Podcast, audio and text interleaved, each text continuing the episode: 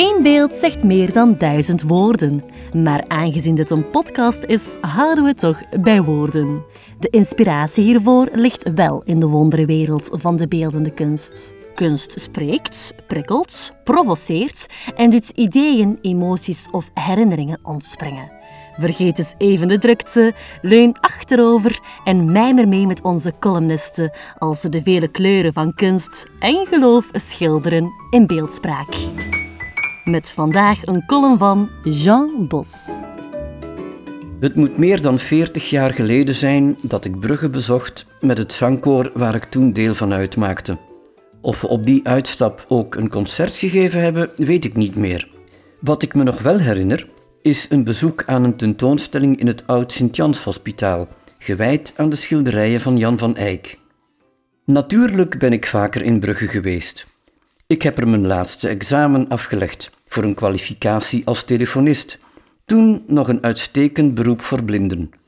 En een bezoek aan het Venetië van het Noorden was de laatste etappe van onze huwelijksreis. Bij die gelegenheid heb ik nog een paar schoenen gekocht dat vele jaren gediend heeft. We zouden dus naar die schilderijen tentoonstelling en ik ging braafjes mee, al dacht ik dat ik er als nietziende geen moer aan zou hebben. Tot mijn verbazing en groot genoegen hadden we echter een gids die bevlogen en met zin voor detail kon vertellen over wat er op het doek te zien viel. Tegenwoordig kun je trainingen volgen om te gidsen voor slechtzienden en blinden. Dat was in die dagen wel anders. Toch slaagde deze man erin mijn belangstelling te wekken. Ik kwam enthousiast van die tentoonstelling terug, al had ik niks gezien. De bijzonderheden van al die schoonheid was ik snel vergeten, maar de bevlogenheid en deskundigheid van onze gids overtuigde mij van de genialiteit van Van Eyck. Dat ligt anders met beeldhouwwerken of andere kunstvoorwerpen die aangeraakt mogen worden. De herinneringen daaraan blijven langer hangen, omdat je er een voorstelling van hebt. Als ik aan de gebeurtenis van destijds terugdenk, komt me elke keer weer de apostel Thomas in gedachten. Hij wilde ook eerst zien voordat hij kon geloven.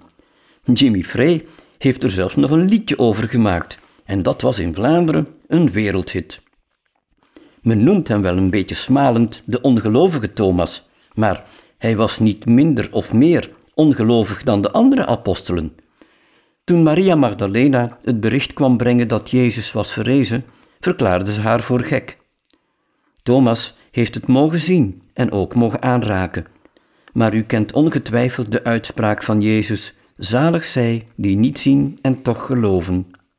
De ooggetuigenverslagen over het leven van Jezus vinden we in het meest verkochte boek ter wereld. Velen hebben zich laten overtuigen door het lezen ervan. Ze hoefden niet te zien, zetten hun reserves en bezwaren opzij en gingen geloven. Ze hebben de geest geproefd van wat hun werd voorgespiegeld. En nu, wat let u? Zoals een Engels spreekwoord zegt, the proof of the pudding is in the eating. Men weet pas hoe lekker iets is als men de smaak ervan geproefd heeft. Haal dat meest verkochte boek in huis als u het nog niet hebt. Zoek een goede gids om u wegwijs te maken.